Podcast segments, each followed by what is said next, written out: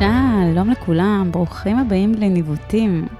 התוכנית עוסקת בבחירות קריירה, בצומתי קבלת החלטות, בשאלה למה נבחר מסלול אחד על פני אחר, וגם איך נראית הפרקטיקה במקצוע שנבחר.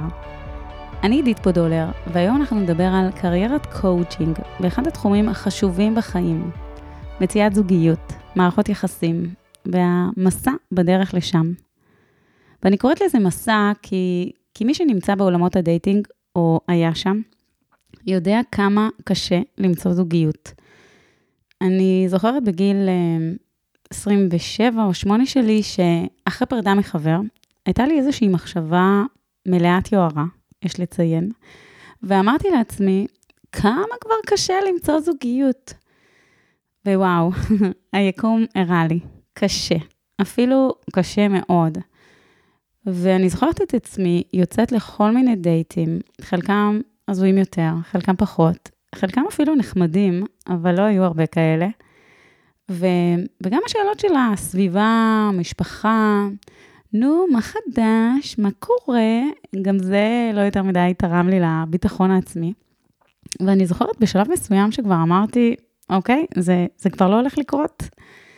ולשמחתי ולמזלי הבאמת מאוד גדול, פגשתי את ירין, אהובי, בתחביב שמשותף לשנינו, רכיבת כביש, ומשם זה התגלגל, זה היה הכי טבעי בעולם. ו... והרגשתי שאני פשוט יכולה להיות אני. ואני חושבת אה, שבאמת במציאת זוגיות מדובר במסע, במשהו שהוא סופר מאתגר, ולהיות בזוגיות טובה זה משהו שממש ממש לא ברור מאליו.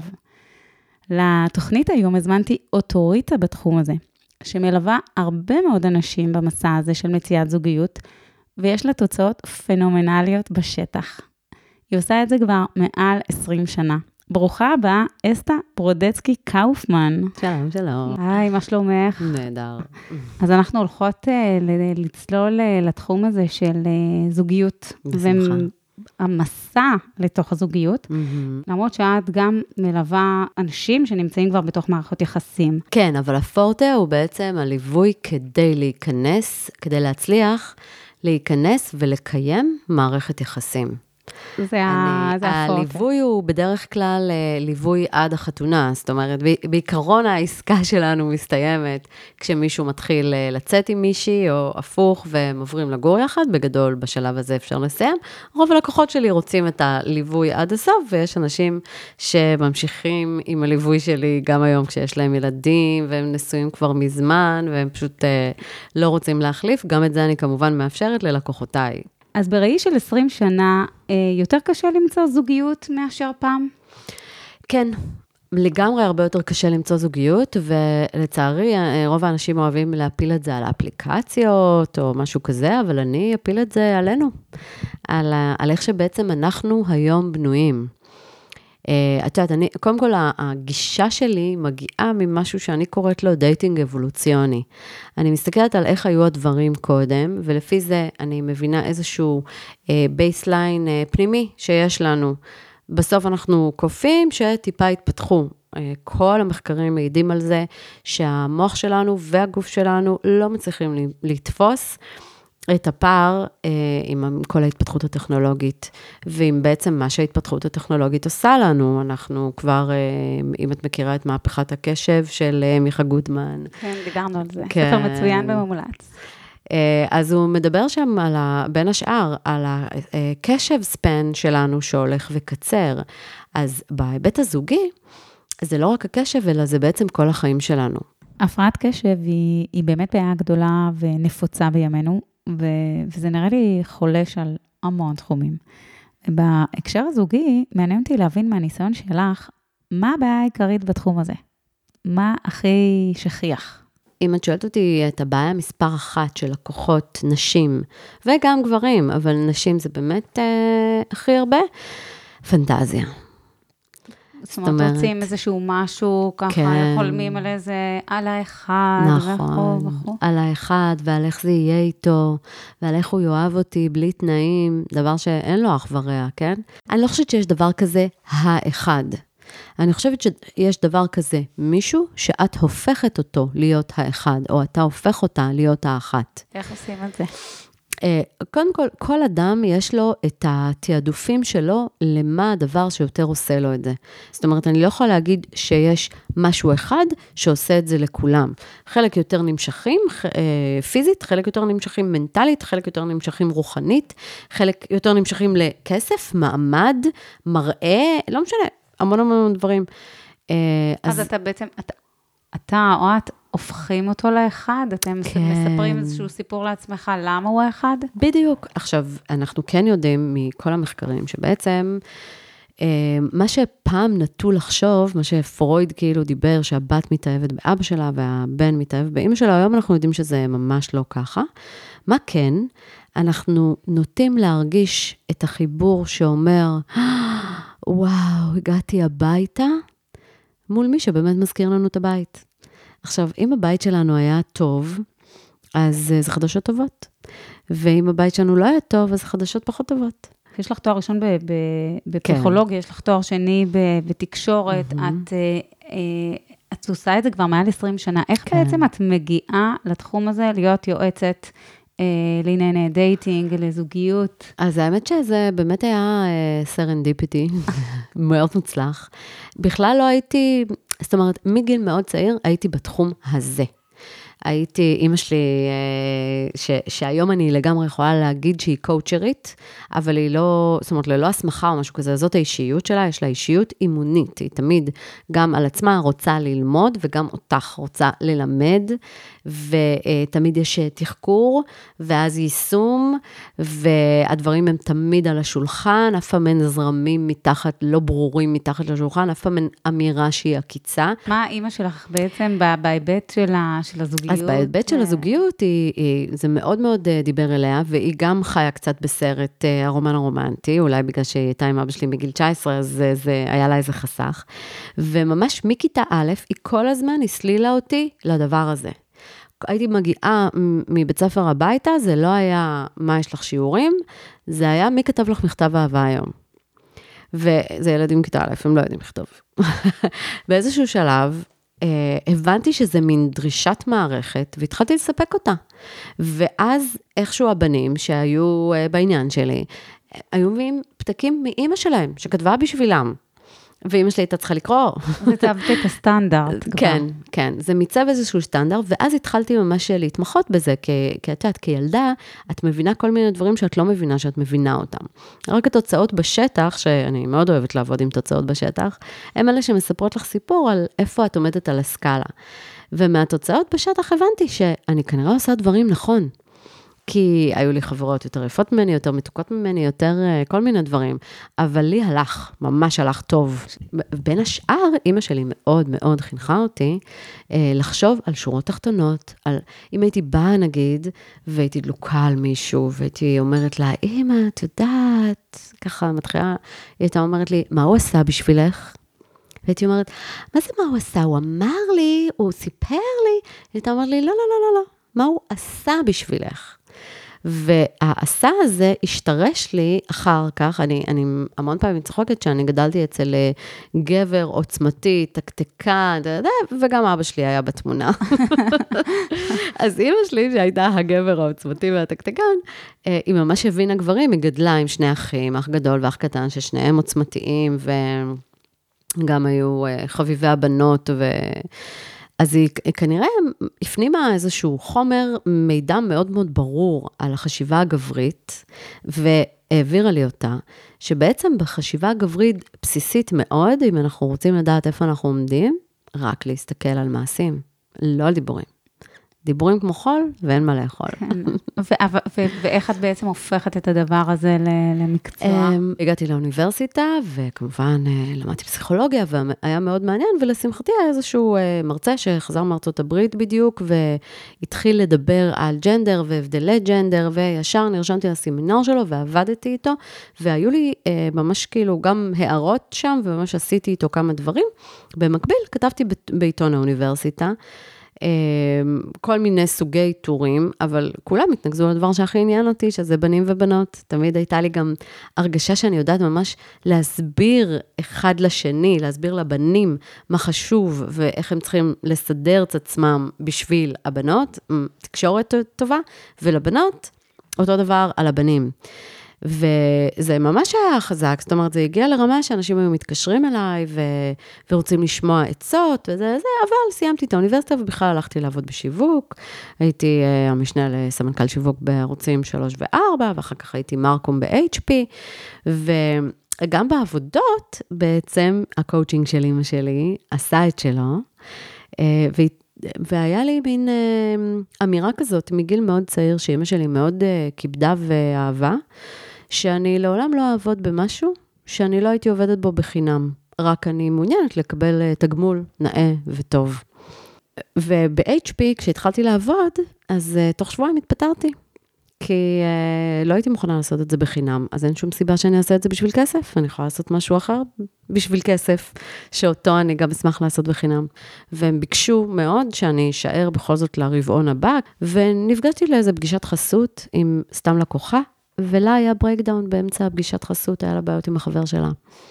מפה לשם מצאתי את עצמי עושה לה שם עזרה ראשונה, ואומרת לה מה לעשות, ואת, למחרת אני מקבלת זר פרחים עצום. ושל תודה וזה, ושזה יסתדר ביניהם. ואז היא סיפרה לי שליאורה ניר, שאותה הכרתי מהטלוויזיה, מקימה אתר dating, ושהיא מחפשת תוכן.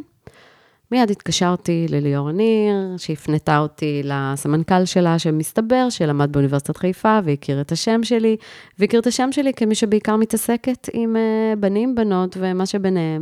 והתחלתי להעביר להם חומר, ומיד uh, בעיניי כבר הייתי בעלת uh, חברה לייעוץ וליווי dating, ועוד לא היה לי כלום, כן. זאת אומרת, זיהיתי את ההזדמנות, טאק.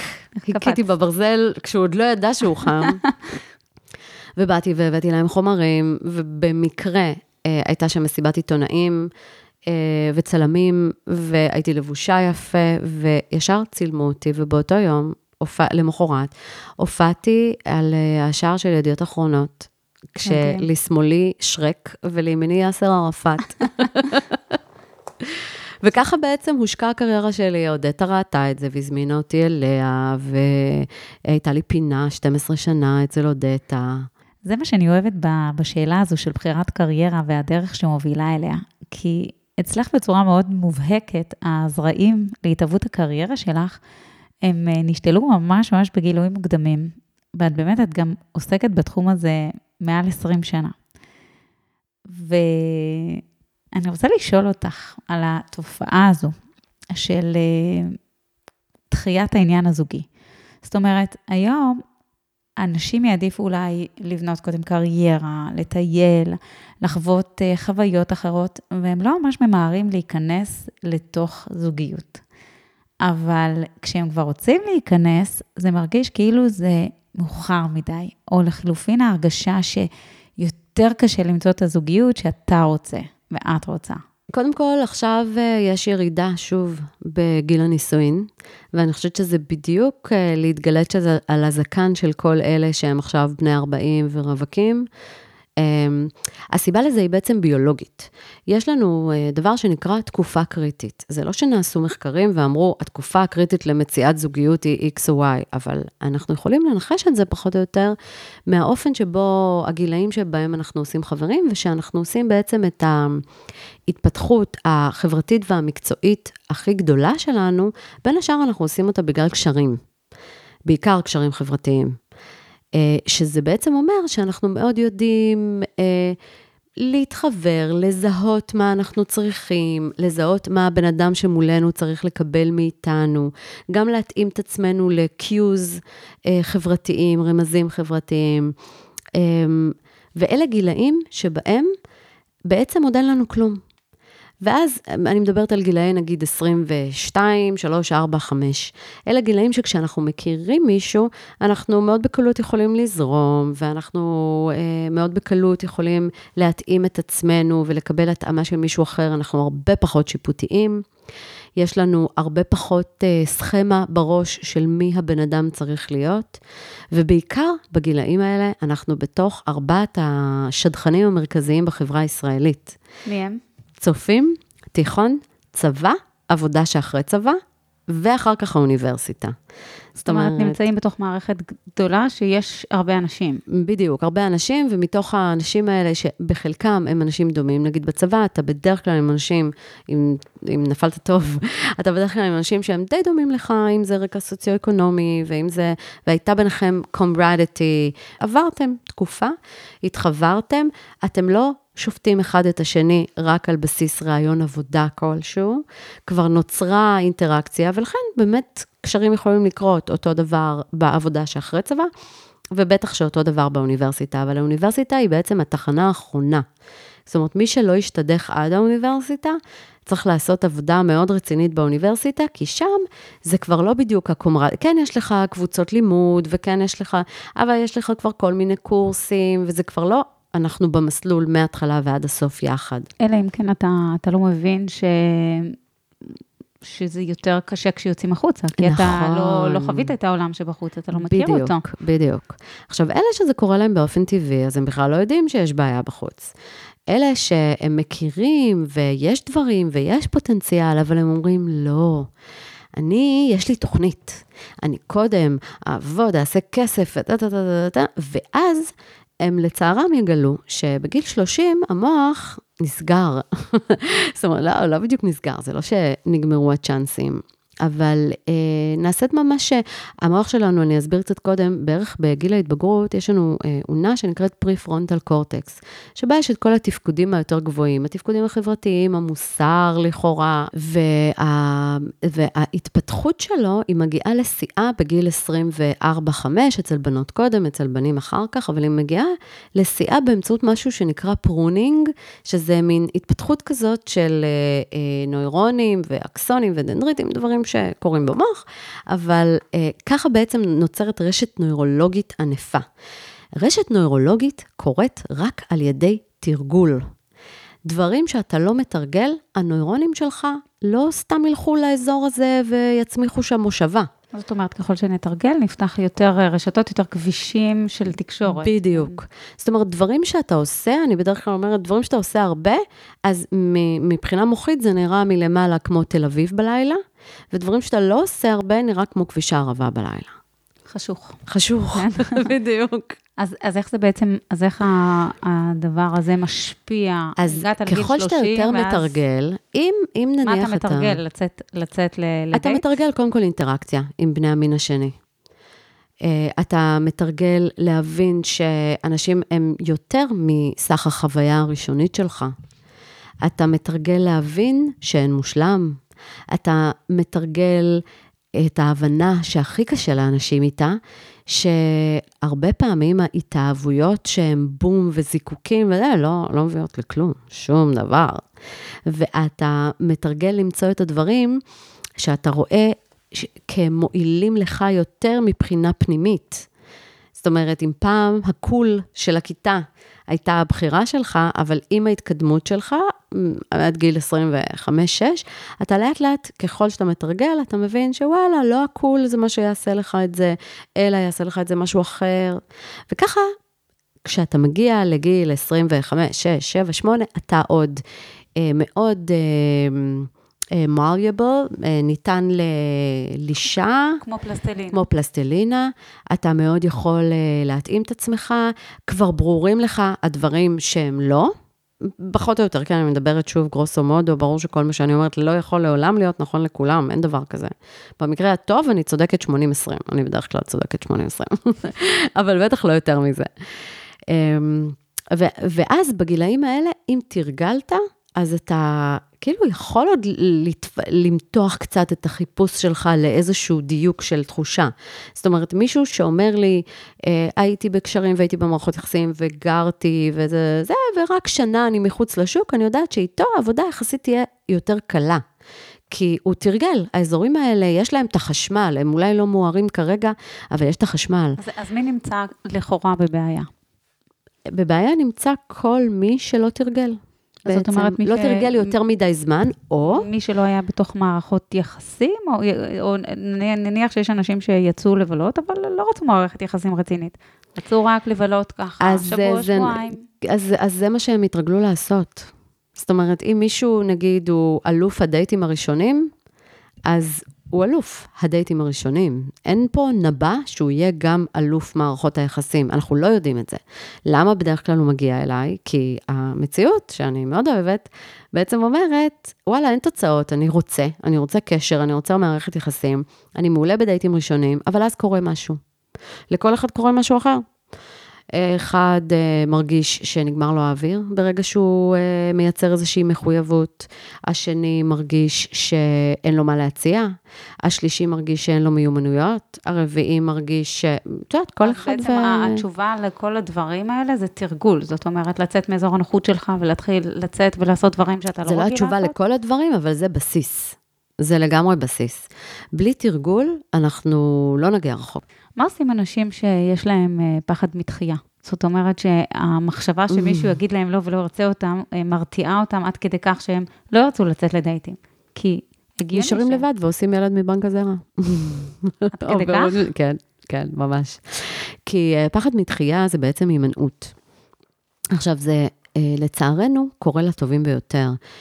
כמו שאנחנו מכירים את אפקט המתחזה, לאנשים בינוניים אין אפקט המתחזה. רק לאנשים מצליחים יש אפקט המתחזה. הם כל כך מצליחים שהם לא מאמינים לעצמם שהם מצליחים. והם בטוחים שעוד רגע ייכנס מישהו ויחשוף אותם. אז זה בדיוק על אותו עיקרון. האנשים שהם מפחדים מתחייה, הם בעצם, זאת אומרת, זה, זה לא אומר שהם מצוינים, כן? לא כן. במובן הזה, זה אותו עיקרון. אבל הם בעצם אה, כל כך מפחדים שיחשפו אותם, כל כך מפחדים שמישהו יגיד להם, איך, לא בא לי עליך, מה אתה נדבק? סתם עשיתי את זה קשה, אבל זה הרעיון. כשמה שקשה להם להבין זה שהדחייה לא אומרת עליהם כלום. כי באופן כללי, אנשים לא רואים אותנו כמו שאנחנו, כמעט אף אחד. אנשים רואים אותנו כפי שהם. יש הרבה אנשים שאפילו בזוגיות יכולים לספר לך דברים על הבן זוג, שאחר כך הבן זוג אומר, איזה קטע. אני בכלל לא רואה את עצמי ככה כמו שהוא רואה. בזוגיות טובה זה דברים טובים, בזוגיות רעה זה כן. דברים רעים.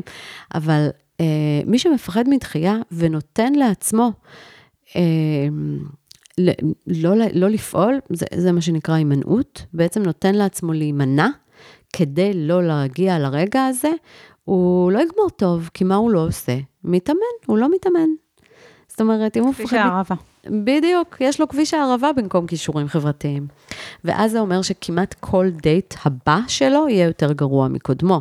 שזה בדיוק הפוך מהפנטזיה שלו, שפעם יבוא האביר על הסוס הלבן ויראה אותו, ולא, זה לא יכול לקרות, כי גם כשהאביר על הסוס הלבן יבוא, לא יהיו לך את הכישורים אה, להושיב אותו אצלך. אז את מדברת על הכישורים האלה, אז אני, זאת אומרת, רק בשביל לפתח את השריר הזה של הכישורים, של הביחד, של לצאת, כן, אז בוא בואו תצא נצא. גם, אז בוא תצא גם עם מישהו. שאתה לא בהכרח הכי נמשך והכי אני רק אומרת, בשביל בואי נצא לתרגל. עם השש-שבע. הכי קל באימונים, אה, הפוך, קשה באימונים, קל בקרב. אז ממש לא להימנע ולא לחפש את הפנטזיה. ולא לחפש את הפנטזיה ולא לחפש את המושלם, להפך, לצאת ולנסות עם, עם אני אומרת שש-שבע, את יודעת, כאיזשהו מאמר קצת מכליל, אבל אה, לאנשים יש איזשהו דירוג. של עצמם, של מי שמולם, ולמה אני אומרת תצא עם השש-שבע? א', כי אז אתה אולי תגלה את מה שבני ה-25 גילו בעבודה שלהם אחרי הצבא, שהוא היה נראה לך שש-שבע, אבל בעצם בדברים שחשובים לך הוא שמונה-תשע, ואז אפשר להתקדם. אבל גם אם אנחנו לא בונים על הכיוון הזה בכלל, אנחנו בונים על זה שישבת עם, עם בן אדם, שעה, הצלחת להגיע למצב שבו היה לך נעים עם עצמך בדייט, לא צריך איתו, הוא פשוט היה שם מבחינתך. אבל שלא סבלת, שלא לא חשבת מחשבות שהן חיצוניות בעצם, איך אני נראה, אני מזיע, אני פה, אני שם, אלא היית בתוכך, הצלחת ליהנות, יצרת אינטראקציה נחמדה. מפה מכמה כאלה אתה תהיה הרבה יותר אטרקטיבי בדייט שסוף סוף ימצא חן בעיניך, מאשר שתהיה במשחק הקבוע של אני רוצה את האנשים שלא רוצים אותי, ואני לא רוצה את האנשים שרוצים אותי. החיפוש אחר התשע או העשר בשביל אנשים שלא הוכיחו את עצמם בתחום, כולם אומרים, אוקיי, זה שעד עכשיו זה לא קרה לי, זה לא אומר שזה לא יקרה לי. ואני אומרת, בטח שזה אומר שזה לא יקרה לך, אם לא תעשה משהו מג'ורי. קחי למשל את uh, חתונמי, אוקיי? למה פתאום הרווקים האלה, שרובם היו בלי שום מערכת יחסים עד שהם הגיעו לחתונמי, מתחתנים אחרי חתונמי? כי היה שם חתיכת הוריקן שטלטל אותם, והם גם חוו את המיני ריליישנשיפ הזאת. של להיות עם מישהו, יש ממש דברים כימיים שקורים כשאתה בכזאת קרבה, שפתאום אתה נזכר שבעצם אתה רוצה להיות בחוויה הזאת. איך זה לא מעייף לצאת לעוד דייט ולעוד זה דייט. מאוד וזה, מעייף. או, וזה לא מצליח. אז תראי, קודם כל, אה, כשמשהו כזה קורה יותר מדי פעמים, אז אני כן רוצה להיכנס פנימה, גם אם זה היה לקוח שלא רצה להיכנס פנימה. אני, כמו שאמרתי, אני, אני מאוד זורמת עם הצרכים של הלקוח, כי בסוף אני מאוד מאמינה ביכולות של כל אדם. אה, לדעת לפחות בבסיס מה טוב לו. אני פה בשביל לעבות ולקחת אותו לכיוונים אם אני רואה שהוא טועה, אבל בגדול אני מתחילה איתו מהכיוון שלו. ואז אם יש לקוח שלא רוצה להיכנס לעבר, לפעם, אלא רק כלים, כלים, כלים, מעולה, גם זה בסדר. אבל אם הכלים האלה, הוא לא מצליח להפנים אותם, ואנחנו רואים חזרה על דפוסים, ואנחנו רואים ששוב ושוב הוא נופל, פה כבר אין ברירה, ואנחנו נכנסים אחורה. כשמישהי יוצאת לדייטים ומשהו לא הולך, ו- ולכאורה לא חסר לה כלום, כמו שאנחנו אוהבים להגיד, והיא מסוג הבחורות שאומרים לה, איך בחורה כמוך לא נשואה? יש שם משהו בפנים שעוצר אותה. ואת המשהו הזה בפנים אפשר לשנות בשתי דרכים. אחת, זה בדיוק הדכדוך והנמאס לי הזה שתיארת. זאת אומרת, כשבחורה, שנגיד לא מגיעה אליי, לא כולם חייבים להגיע אליי, אה, יוצאת להרבה מאוד דייטים ושום דבר לא מתקדם, היא יכולה לבחור סתם להיות בדכדוך, והיא יכולה להתבאס ולהתבאס, ואז להגיד, די, משהו פה לא הולך לי. אני חייבת שנייה לשבת עם עצמי ולהבין מה הסיפור שלי, איפה אני עוצרת את זה. האם זה, למשל, בבחירה בגברים לא נכונים, אוקיי? זו דוגמה אחת. ואז מעכשיו, אני בכלל לא מתקדמת עם גבר שהחוויה שלי איתו היא XYZ. אם בחורה הייתה דלוקה על סוג מסוים של טיפוסים, ועכשיו היא מבינה שזה לא טוב לה, וזה לא מתקדם בשבילה, או שהם לא דלוקים עליה, או משהו, אז היא מתחילה אולי לתעדף טיפוסים אחרים.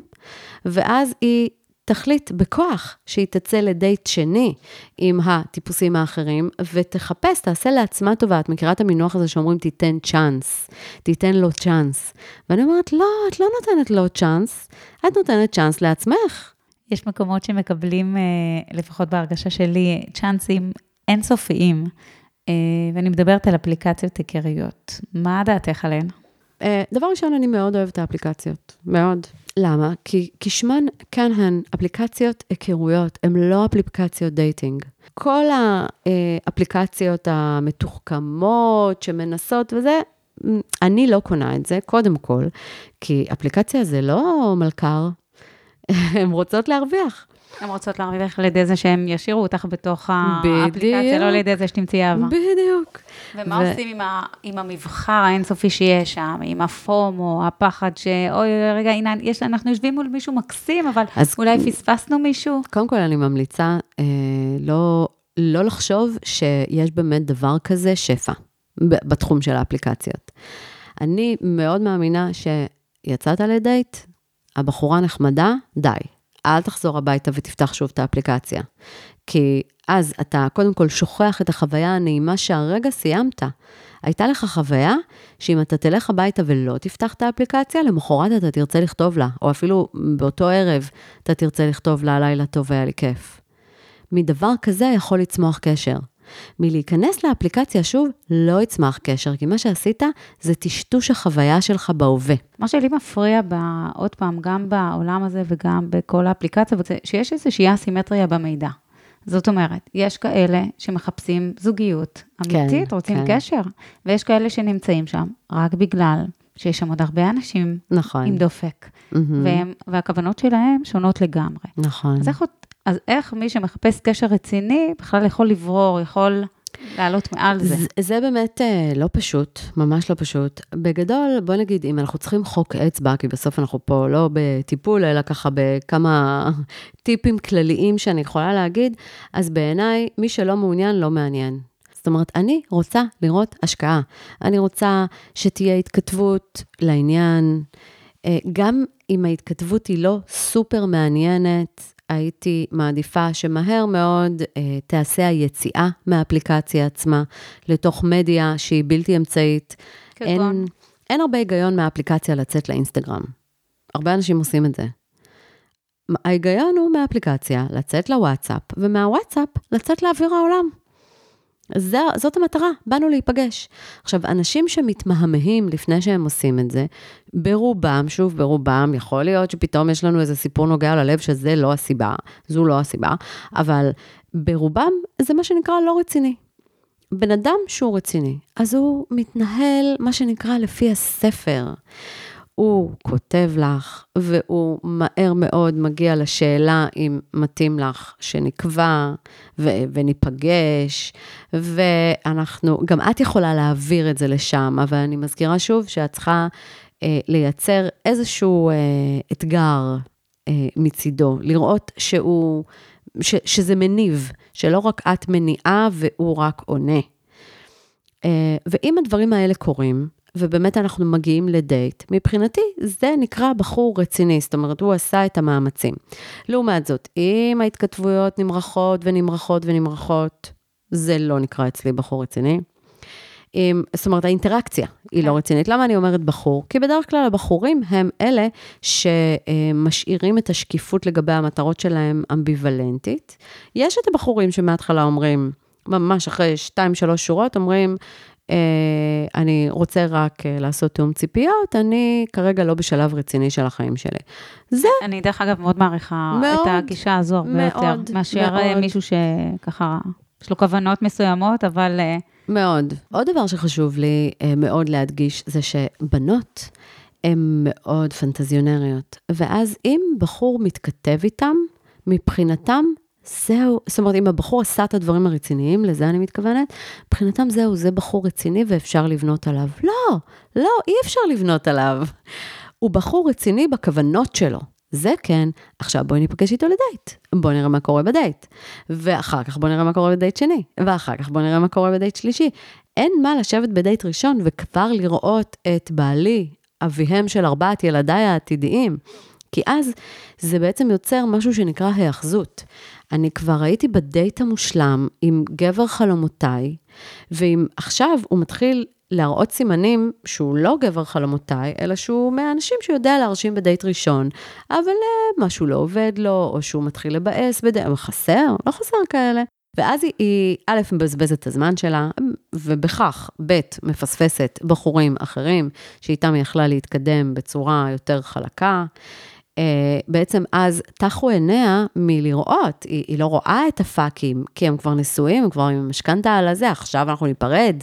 זה כבר, זה כבר התילי טילים של הסיפורים? בדיוק, וזה קורה המון. בנות uh, הרבה פעמים מתחילות לחייך כשאני אומרת את זה, כי הן לא רוצות להודות בפני עצמן שלשם רצות המחשבות שלהן, אבל הן רצות. אבל, אבל אולי, את יודעת, מישהי נמצאת במקום כזה שכבר בא לה להיות בקשר, ובא לה לעבור לשלב הבא בחיים, ו- וכן, אז היא מפנטזת.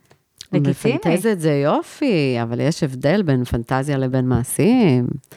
ואם הפנטזיות שלך נשארות בראש, זה נהדר, אבל אם הן גורמות למעשים שלך, בעצם אה, להכשיל אותך, אז פה זה לא רעיון טוב.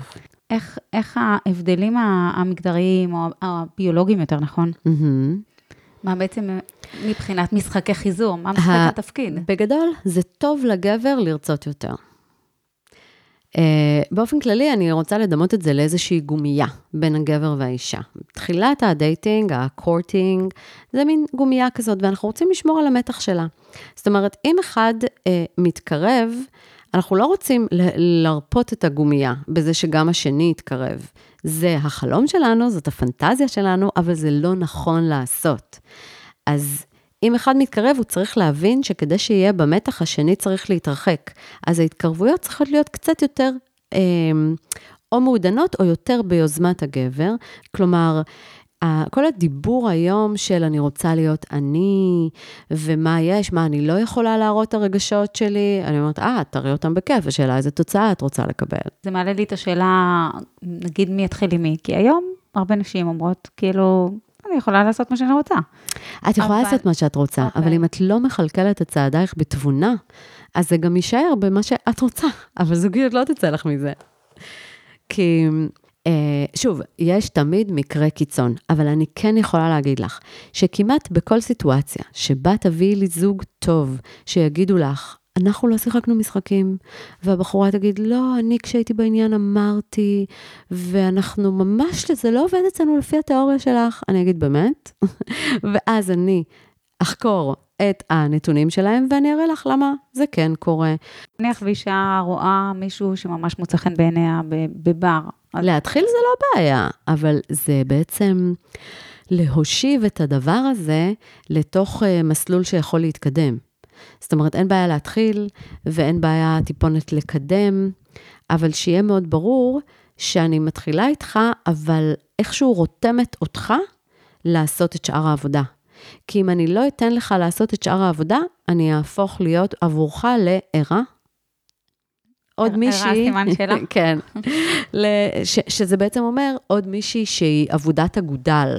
מה זה נקרא עבודת אגודל? אה, זה מינוח שאני מאוד אוהבת להשתמש בו, שזה בעצם טקסטים, עבודת אגודל. הוא הקליד עם האגודלים שלו, האם הוא עשה פה מאמץ? לא. ואם הוא לא עשה מאמץ, הוא לא יכול להיות מחויב, הוא לא יכול להיות ברצון, הוא לא... הוא לא.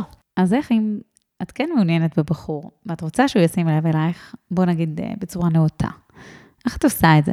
יש, אה, יש מונח בפסיכולוגיה שנקרא familiarity breeds liking. זאת אומרת, אם אני דלוקה על מישהו ואני רוצה שהוא ישים לב אליי, יש לי המון המון דרכים לעשות את זה. אני יכולה לדבר איתו, אני יכולה, אה, ל, ל, אני מעדיפה נגיד גישה פריפרלית, שזה להתחיל לפטפט על משהו אחר, לא אה, ישיר, כי אז אני נהיית הגבר. אם אני הגבר והוא סטרייט, אז הוא לא נמשך אליי. זאת אומרת, אם אני באה פריפרלי ואומרת, וואלה, אתה נראה לי פה אחד שמבין במקום הזה, איפה השירותים? או אם אני עם לפטופ, איפה השקע? ואז את נכנסת לו לפריים. ה-familiarity breeds liking זה בעצם מונח שמדבר על זה שככל שאנחנו חשופים לגירוי, אנחנו בעצם נרגיש שאנחנו מחבבים אותו ואפילו אוהבים אותו. אז אה, ככל שאני מייצרת איזשהו סוג של אינטראקציה, הבן אדם מולי כבר, אני באה לו טוב יותר ברשתית, ויש לנו יותר סיכוי למשהו. אם אני לא אשאל על השקע, ואם אני לא אגיד, אתה נראה לי מבין פה, ואני לא זה, הסיכוי שהוא יראה אותי מבין כל האנשים הוא לא גבוה. אבל ברגע שבאתי ועשיתי את זה, בעצם הפכתי את עצמי לעוד מונח שאני מאוד אוהבת להשתמש בו. הפכתי את עצמי לדמות במקום לרקע. כי כשבחור נמצא איפשהו שיש מלא בחורות, הם כולם רקע. בולטות הבחורות, או שהן ממש אוהב את הלוק שלהם, או שהן עושות משהו ייחודי, אבל אם את אה, בחורה רגילה שרוצה לקבל את תשומת הלב שלו, את צריכה להפוך את עצמך לדמות. בוא נגיד שהיא הצליחה להפוך את עצמה מרקע לדמות, מה היית ממליצה לה לעשות, או אפילו לא לעשות בדייט ראשון? אני מאוד uh, לא מאמינה בלהשקיע לפני דייטים. בייחוד היום, כשנורא נורא קשה לצאת לדייטים, וזה תהליך מאוד מאוד מתיש, בואי, אנחנו לא עובדות בפלחה. אין שום בעיה לצאת מהעבודה, גלוס ושימר, ואנחנו נראות מצוין, ולצאת לדייט שהוא דייט היכרות. למה? קודם כל, אני מאוד נגד סקס בדייט ראשון, אלא אם כן באתי לעשות סקס, ואז סבבה, באתי להתאוורר, תעשי מה שאת רוצה. מה רע, אבל... מה רע בזה שאת מציינת את זה בצורה כזו? בגלל שאז בעצם לאישה ולגבר קורות תופעות שונות בדרך כלל. שוב, זה בדרך כלל, עדיין יש את הנשים השונות והגברים השונים, אבל ממש על פי רוב, אה, אישה אחרי סקס היא נקשרת מאוד, והיא חושבת, בייחוד אם הגבר שידר לה, אז היא חושבת שזו תחילתה של מערכת יחסים נהדרת. והגבר, באותו רגע, יש ממש מחקרים שמדברים על איך אחרי האורגזמה בעצם יורד כל העניין החברתי גם. האוקסיטוצין שאותנו מדליק ומחבר, אותם הרבה פעמים מכבה, הם רוצים לישון, וכל נושא של האינטראקציה מהם והלאה. אבל את, את לא היית אומרת את זה לגבר. בטח שכן. בטח, אם הוא רוצה מערכת יחסים, תדאג לא לעשות סקס בדייט ראשון, כי אתה הורס לעצמך. ברגע שעשית סקס, יורד לך האתגר, לא בא לך על הבחורה. קודם היה בא לך עליה, ואם היא שווה, תשלוט על עצמך, תצא איתה לכמה דייטים בסיטואציות שאינן מיניות, כדי שתוכל להימשך אליה בכל רמ"ח איבריך, ולא רק... כן. ו, אה, וככה אתה בעצם תוכל לעזור לעצמך לייצר פה מערכת יחסים. על זה יש אה, המון, יש לי המון תגובות על זה, על גברים שאסרתי עליהם לעשות סקס בדייט ראשון, ואיזה פריחה זה הביא. מהר מאוד הם מתחתנים, הגברים האלה. אני מתרגמת לעצמי את מה שאת אומרת אה, בתור, בוא נגיד, היסחפות מודעת. איזושהי התנהלות ש, שכן יכולה להוביל לבנייה של, של תהליך, לבנייה של קשר. יש אה, תהליכים, שזה מאוד מאוד מעניין, בתחילת הדייטינג, בדרך כלל נשים הן יותר בעניין של מערכת היחסים, וגברים לא כזה זורמים. אבל מהר מאוד אנחנו ממש רואים את הגרפים עוברים מין איקס כזה, שהגבר נהיה יותר בעניין עם הזמן, והבחורה פחות. למה? כי הבחורה מתפכחת, ופתאום היא מבינה שלמרות שהיא חשבה שהגיע אביר חלומותיה, בסוף הוא בן אדם. הוא לא קורא את המחשבות שלה, והוא לא יודע מה המאוויים הכי כמוסים שלה, אם היא לא אומרת לו. אחרי כמה זמן זה בדרך כלל קורה שה... ממוצע של ארבעה חודשים. בין ארבעה חודשים לחצי שנה. שאז אצל, יותר אצל הגבר עולה... הגבר נהיה יותר בעניין, והבחורה, זה לא שהיא נהיית פחות בעניין, אבל היא לא בסרט שהיא חיה בו קודם. ואז יש איזה תיאום ציפיות בדיוק, כזה. בדיוק, בדיוק, ואז יש תיאום ציפיות. זה פחות או יותר השלב שבגילאים בוגרים יותר, סביבות ה-30 ומעלה, אה, כבר לגמרי יש על מה לדבר אה, מגורים משותפים. כן.